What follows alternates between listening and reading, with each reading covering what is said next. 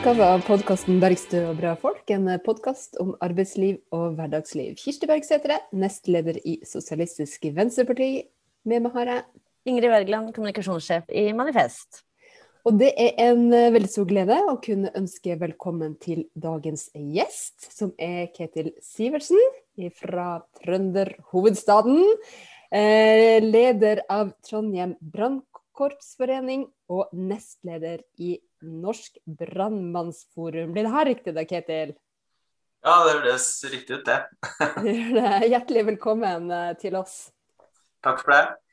Vi eh, skal jo i dag snakke om en kamp som særlig dere eh, som jobber innenfor brannredning eh, i, i, Fagforbundet, har stått i front for. Eh, nemlig kampen for særaldersgrensene. Det er, har blitt eh, behandla eh, politisk eh, nå, det forslaget som har, har, vært på bordet. Men jeg lurer på om du bare helt i starten Ketil, kan si litt om hva særaldersgrensene er for noen ting? Og hvorfor det har vært som en viktig sak for dere? Um, særaldersgrensa, det, jo, det ligger litt i ordet. Det er en særordning for enkelte yrker eh, der man har en lavere aldersgrense enn den alminnelige pensjonsalderen. Eh, og Det er det flere grunner til at den har, eh, men den kan hovedsakelig dele opp i to kategorier. Der Den ene kategorien er at den har et yrke som er såpass belastende over tid, så at den gjennom en hel karriere vil slite med å nå den ordinære aldersgrenser. Eh, og så har du den andre kategorien som vi er en del av, der det er yrker som setter eh, spesielle krav til fysiske og psykiske egenskaper som en trenger for å, for å gjøre jobben. Um, og så finnes det jo forskjellige aldersgrenser i forskjellige yrker. Mm. Hva er det der i deres nå, da? Vi har en aldersgrense på 60 år i, mm. innenfor brann. Og den endringen som har vært gjort nå, da, hva, hva innebærer den? Endringa den går jo ja, Nå blir jo den alminnelige aldersgrensa for uh, offentlig sektor øka fra 70 til 72. Det er jo en del av endringa. Uh, men den endringa som vi har protestert mest mot, det er jo den her uh, plikten til å fratre når du har oppnådd aldersgrensa, altså særaldersgrensa. Den blir nå fjerna fullstendig. Så at uh, Det vi tenker i hovedsak om det, det er jo at uh, særaldersgrensene vil på en måte gi en veldig lite mening uten at en har den plikten til å fratre. For det, da blir det litt uh, underforstått at den særaldersgrensa den er det egentlig ikke behov for. Eh, så hvis en tenker på hva grunnene til at en har de særaldersgrensene er, så, så, er det veldig lite forståelig at en ikke skal ha en plikt til å fratre når en har svekka fysiske og psykiske egenskaper som en trenger for å gjøre jobben. For Det er jo et forslag fra regjeringa som har vært eh, til behandling.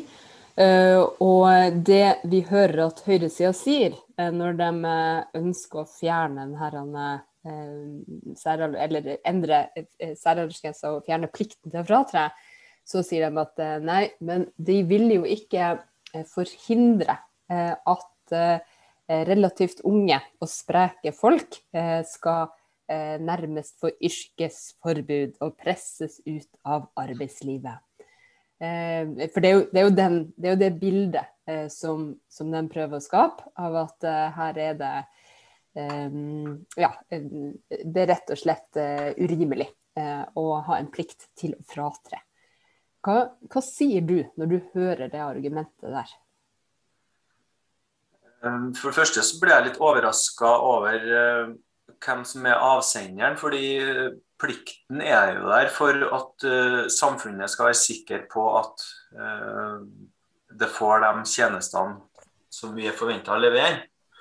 Og når man samtidig vet da, at uh, med alderen så vil en ha svekka mulighet til å faktisk levere de tjenestene, så er det, jeg er overraska over at uh, de som har ansvaret for samfunnssikkerheten, ønsker å fjerne det. Uh, Det er jo det ene. Eh, men det at det blir lagt fram som en sånn type valgfrihet, det, det vitner jo kanskje om at en ikke tenker at det er et behov for disse aldersgrensene, kanskje. Eh, men vi som er i jobben, ser jo at det nivået som er satt, er fornuftig. Eh, og det er jo uh, slettes ikke alle som klarer å nå de særaldersgrensene som er heller. Og noen blir ufør og får den måten å avslutte karrieren sin på. Og det er det stor sannsynlighet for at det er mange flere som vil gjøre nå. Men det, dere har jo, som du sa, veldig, veldig strenge fysiske krav for å, for å gjøre denne jobben. Vi har jo hatt en eh, gjest i en tidligere episode her, Anna Lund Bjørnsen, som også er eh, brannkonstabel, som, eh, som, jo beskrev de helt ville testene man må gjennom, og alt det man må prestere. da. heldigvis, holdt jeg på å si, fordi dere skal jo redde liv i veldig farlige situasjoner.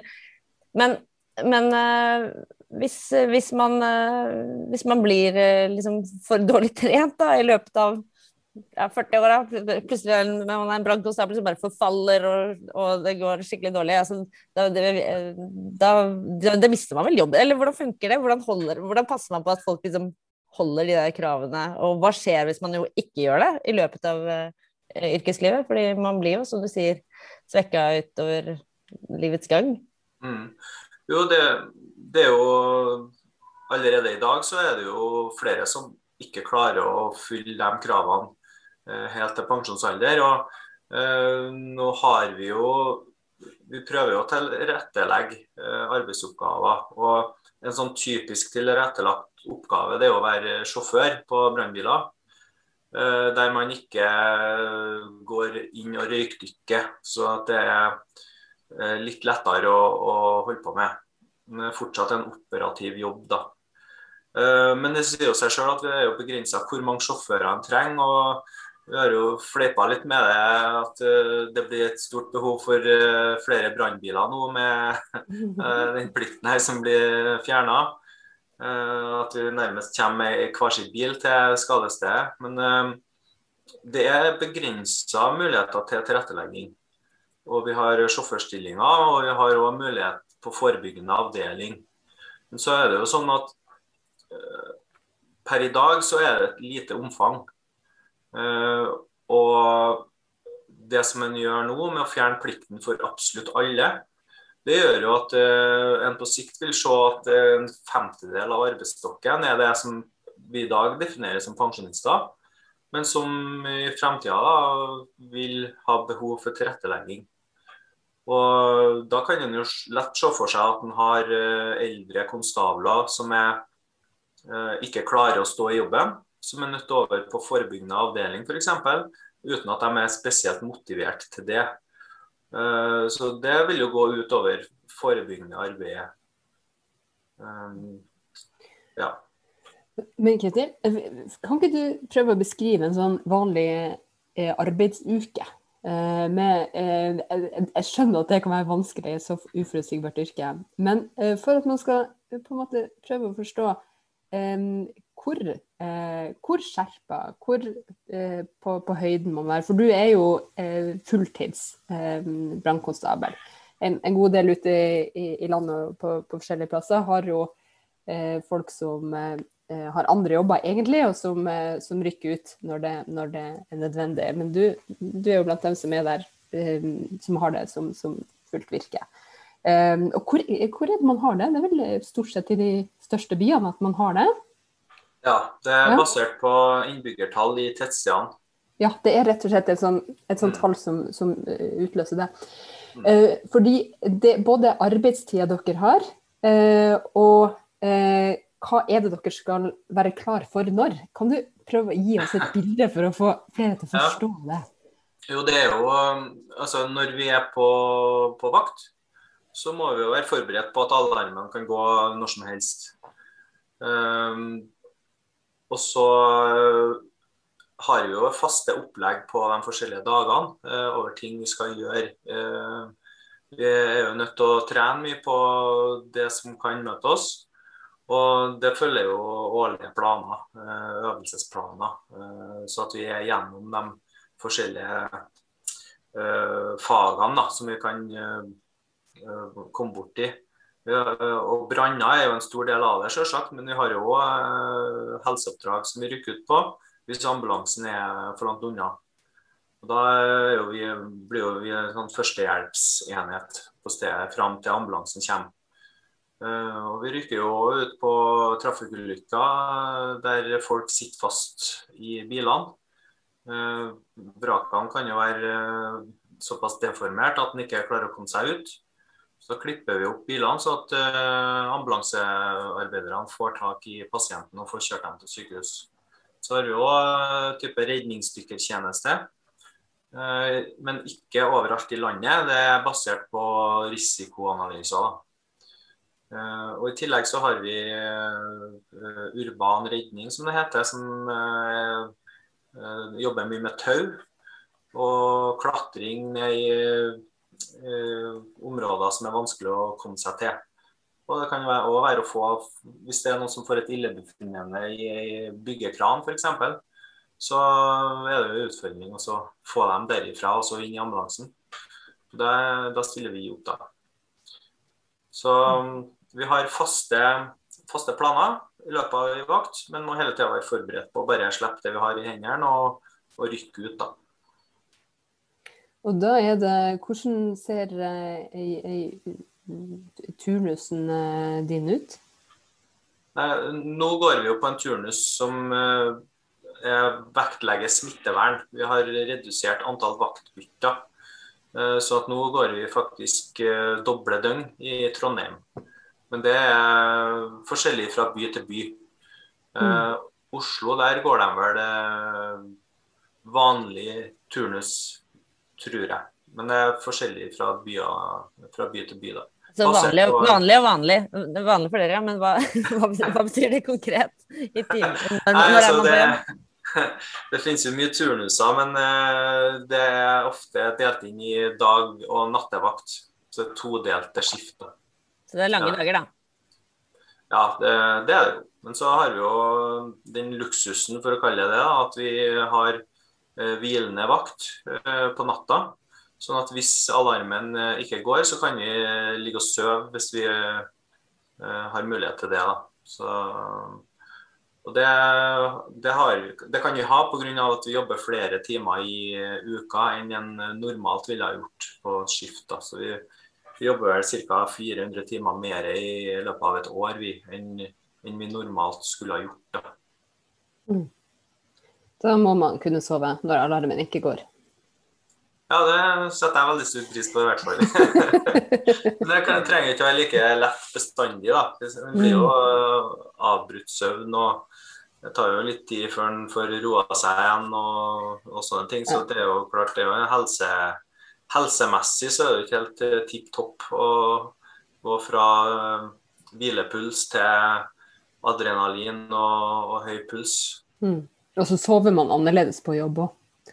Når man har gjør det. Ja, man gjør det. Ja. Det skjer jo, I og med at vi snakker om pensjonsalder og sånn her, så ser en jo at det der blir mer og mer utfordrende med alderen. da. Mm. Å, å, få den der avbrutte søvna når en er på jobb. Men du, det at eh, regjeringen med støtte fra Fremskrittspartiet nå har vedtatt å, å fjerne det som heter da plikten til å fratre, eh, som da ligger i denne særaldersgrensen, eh, hvordan skal det da bli med de som ønsker å fratre? Altså ønsker å gå med pensjon eh, ved 60 år? Kommer de til å få, få de, den pensjonsordningen som dere, dere, har hatt til nå? Ja, altså få og få. Jeg hører jo at uh, det blir lagt fram som at en, uh, at en får beholde det en har i dag. Men da er det litt viktig å, få med seg hva det er vi faktisk har i dag. Uh, for etter pensjonsreformen så er det én ting som gjenstår, som ikke er ferdigstilt, og det er særalderspensjon. Så det vi har i dag, og som vi da får beholde, det er jo en uferdig pensjonsordning. Der vi får fratrekk fordi vi går av tidligere enn andre.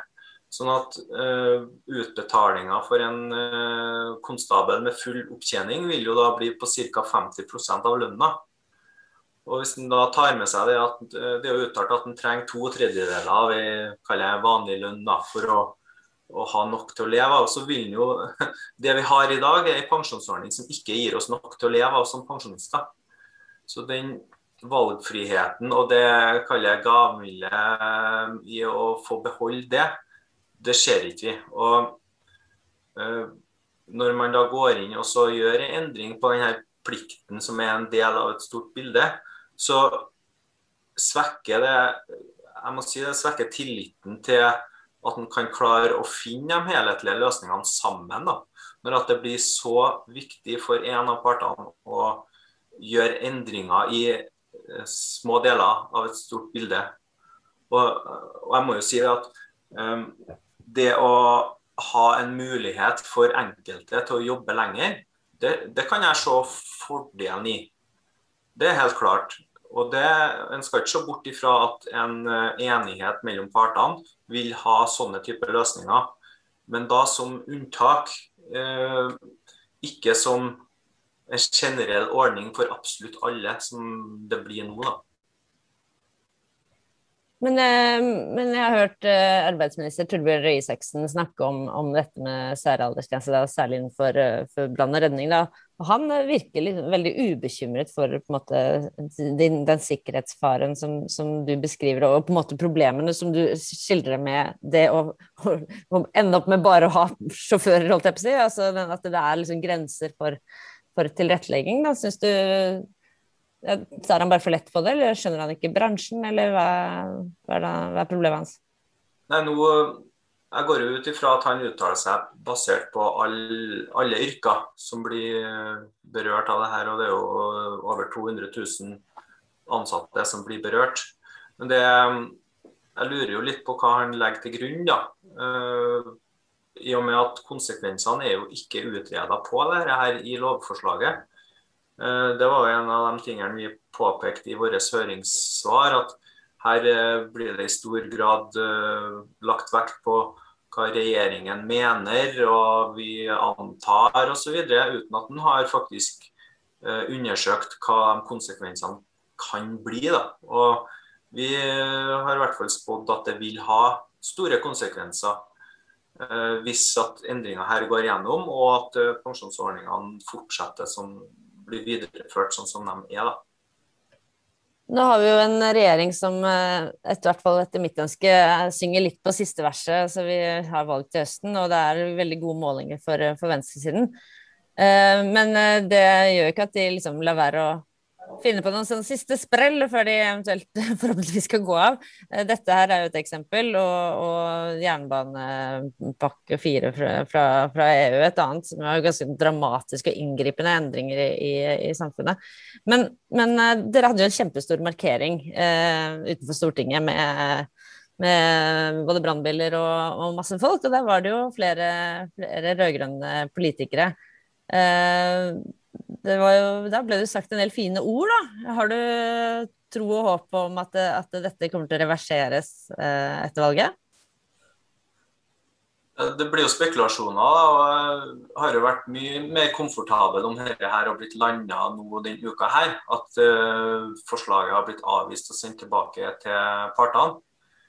Uh, men det er jo klart, nå er jo vi i den situasjonen vi er i, og da må jo fortsette å, å, få fram hvilke type konsekvenser vi mener det her vil ha. Da. Og snakke varmt om den norske modellen der en faktisk finner løsningene sammen. Og, og ha trua på at det går. Da. Så, mm. Men det er vanskelig å forholde seg til et mulig valgresultat for oss som er tillitsvalgt. Det blir veldig usikkert. Og, men vi noterer jo oss uh, hvem som har støtta forslaget, så klart. Og er jo veldig glad for å, å høre fra eh, enkelte partier at de mener at dette er ugreit, da, at de vil eh, forhandle fram løsningene og se bort fra disse lovendringene. Mm. Da har eh, brannkonstablene i Fagforbundet, og for så vidt ellers en veldig god grunn til å drive, drive valgkamp, om man ikke hadde det fra før. Alltid når det er snakk om aldersgrenser i arbeidslivet, så er det en sånn bekymring som tillitsvalgte fra ulike eh, forbud og bransjer eh, gjerne bærer frem. Eh, og det er jo hvordan, eh, hvordan, rollen til tillitsvalgte skal være på arbeidsplassen. Eh, fordi mange opplever at når vi som samfunn ikke har regler for å ivareta folk og gi folk en verdig utgang av arbeidslivet, ja, så blir det ofte tillitsvalgte som er nødt til å ta de tunge samtalene. når Eh, man ser at, eh, at ikke det går så bra, og man kanskje ikke skjønner det sjøl. Eh, hva, hva, tenker du om, om, om det, Ketil, i forhold til denne typen endringer? Ja, for det første, så Hvis at en legger opp til en sånn struktur på det, så må jeg si at det blir veldig feil at en skal legge et sånn type ansvar på tillitsvalgte. Det er klart at uh, Vi som er tillitsvalgte, vi blir jo kontakta av uh, våre medlemmer hvis at de er bekymra for noen ting. og Da er det jo forskjellige måter vi håndterer de forskjellige sakene på. Men uh, det er veldig sannsynlig at en vil få en større mengde av sånne saker, i hvert fall med den lovendringa som er gjort nå. Mm. og det blir jo sagt uh, klart og tydelig at uh, nå er det ordinært stillingsvern som gjelder. Som ellers, altså som med han 40-åringen som det ble snakka om her, som ikke fyller kravene til stillingen. Og Da er det jo, som jeg sa i den sammenheng, så er det jo tilrettelegging i første omgang. Men med et større omfang så vil det jo være eh, mye mindre muligheter til å faktisk tilrettelegge for alle. Og Det er ikke utenkelig at det blir eh, såpass vesentlig eh, ulemper for arbeidsgiver med denne tilrettelegginga at de går til oppsigelse. Og Det er jo sånn type saker som vi ikke liker, verken som tillitsvalgt, men eh, heller ikke arbeid. Ingen som ønsker oppsigelsessaker. Det er dårlig for arbeidsmiljøet, og det er også dårlig for kassa, kommunekassa, som faktisk er nødt til å bruke store summer på juridiske prosesser. Eh, men at dette her vil være vil gjøre at det blir flere vanskelige saker, det er ikke jeg i tvil om. For det er jo ganske lett å se for seg at altså, Vi er jo mange som har en sterk identitet knyttet til jobben vår. Eh, og vi er jo også mange som kanskje ikke har all så mye selvinnsikt som vi skulle ha. Altså, man, kan jo, man kan jo på en måte eh, ja, velge å se at glasset er halvfullt når det kanskje ikke er det lenger og sånn. Eh, sånn at det, det, det høres jo som også mellommenneskelig veldig tungt og vanskelig ut. fordi det, det fører til, når det, som du sier, når man skal gjøre oppsigelse, så må man jo da, da må rett og slett arbeidsgiver si sånn Du er ikke skikket til jobben. Og så må man si sånn Ja, du var det kanskje i går, men du er det ikke i dag. Og det er jo en ganske det er jo en utrolig kjip avslutning på, på, på arbeidslivet, både for, ja, for ens egen del, for arbeidsgiver, en ting er på en måte selvfølgelig kostnader som du snakker om, at man begynner med rettssaker. Altså det er bare sånn åh, mm. Det er så Ja. Det høres ikke så veldig ålreit ut. Ja, det er derfor at jeg er ganske overraska over at det kommer fra andre sida av bordet, for å si det sånn. For det, plikten til å fratre er jo et verktøy for, for arbeidsgiver til å kalle unngå uh, en stor mengde sånne type avslutninger. Uh, og så lenge en har en aldersgrense som er faglig vurdert og satt på et nivå som er riktig med tanke på de egenskapene en trenger, så vil en jo kunne uh, kalle med en buffer, da, pluss og minus noen år kanskje, for det er jo individuelle forskjeller. Men så vil en unngå alle disse sakene her, for det er veldig vanskelig. akkurat Det der. Det er ikke sånn at den, den ene dagen er skikka, den neste dag er uskikka nødvendigvis. Det kan være en lang prosess som sniker seg innpå. Eh, kanskje den siste som oppdager det sjøl òg. Eh, og jeg synes det blir veldig feil da, at en skal ha et lovverk som legger opp til mer av det.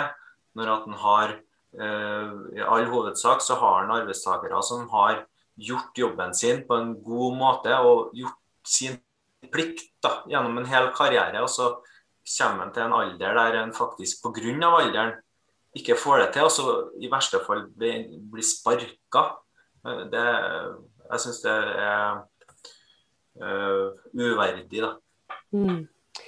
Nei, dem som trenger å få sparken her, det er de blå. Eh, det er på, på høy tid. for Man kan ikke herje sånn med arbeidsfolk og ikke skjønne hvordan eh, ståa er eh, ute i arbeidslivet også.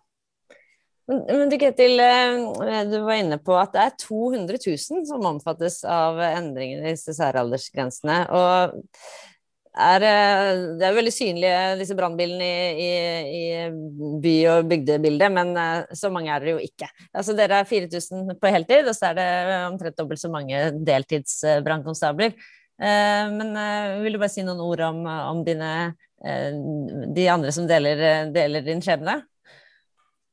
Ja, jeg har i hvert fall forsøkt å eh, dra fram de andre yrkesgruppene òg, selv om vi i all hovedsak snakker om vår egen, fordi vi kjenner den best. Men uh, det er jo mange sykepleiere og renholdere f.eks. som også blir ramma av dette her. Og når en vet at over halvparten av sykepleierne klarer ikke å stå til sin særaldersgrense per i dag. De blir uføre, de, de makter ikke. Da nå er ikke jeg noen sykepleier, men hvis jeg har vært det, så tror jeg faktisk jeg har blitt provosert over å fått kalle et sånt tilbud om en valgfrihet til å stå lenger. Når at du, Problemet er at du ikke klarer å stå til den særaldersgrensa du har i dag. Og det er jo dette her, I og med at det er en særordning, så er det jo fort gjort at dette her kan fremstå for dem som er på den ordinære aldersgrensa Eh, som en gode, eller som en sånn, sånn lukrativ ordning. Da. Men det er i aller høyeste grad ikke det som eh, er oppfatninga for oss som er i yrkene. For vi, vi ser behovet. da. Men det, det finnes jo eh, Det handler vel litt, handler litt om, om offentlig ansatte. Det finnes jo en del yrker i privat sektor som er skikkelig tunge og harde, og vi vet jo at mange elektrikere f.eks. sliter med knær og, og, derfor ikke kan stå helt til, til ordinær pensjonsalder. Hva tenker du om, om forskjellen på, på, på det? Um, jo, det, det, vil være behov for tidligpensjonsordninger i uh, uavhengig av sektor. Um, og nå har jo hatt den her, Det var derfor den AFP-ordninga kom i privat sektor. Men så har jo pensjonsreformen gjort opp på den ordninga. Eh, og uten at jeg kjenner den så altfor godt, i og med at den, vi ikke er omfattet av den, eh, så, så, har jeg jo et inntrykk av at den kanskje At det var ei sliterordning. Det forsvant litt i pensjonsreformen. Eh, men det er jo et inntrykk jeg har. Men den ordninga som var, da, som opprinnelig ble oppretta, den AFP-ordninga, den kom jo av en grunn. Det er jo litt det samme som med disse sykepleierne som jeg nevner. som de, Helsa tilsier at de klarer ikke å, å, stå i jobben til de blir pensjonist. Og, og en må ha ordninger for dem. Og jeg mener at uføre, uførhet ikke er den beste ordninga for dem. Mm. Så, men hva løsninga der skal være, det er jo det er akkurat sånne ting som en best finner fram til i samarbeid da, mellom partene. Da, da, er det desto viktigere at en ikke ensidig går inn og gjør sånne endringer som blir gjort nå. Det, det legger ikke noe godt grunnlag for eh, det samarbeidet som en trenger for å finne disse løsningene. Ja, for jeg skjønner jo at det er ekstra provoserende eh, at eh, det kjøres et sånt løp fra regjeringa istedenfor at man, man har runder med partene og kommer frem sammen til, til løsninger som kan funke for alle. Og sånn er det jo med ei høyreregjering som fører en på mange måter klasseblind eh, politikk. Eh, Istedenfor at man har et lederskap for landet som er på lag med arbeidsfolk, og som eh, lytter til eh, tillitsvalgte og erkjenner eh, at eh, det er ikke sånn at det bare er den frie vilje som styrer våre valg. Eh, vi har belastninger og, og, ulike arbeidsdager som setter sitt preg på, på liv og, og helse. Du Ketil, vi har et eh, fast eh, spørsmål eh, i vår podkast. og jeg er veldig spent på svaret ditt. vårt spørsmål det er nemlig Hva var din første jobb? Da er det da den aller første jobben din. Ja.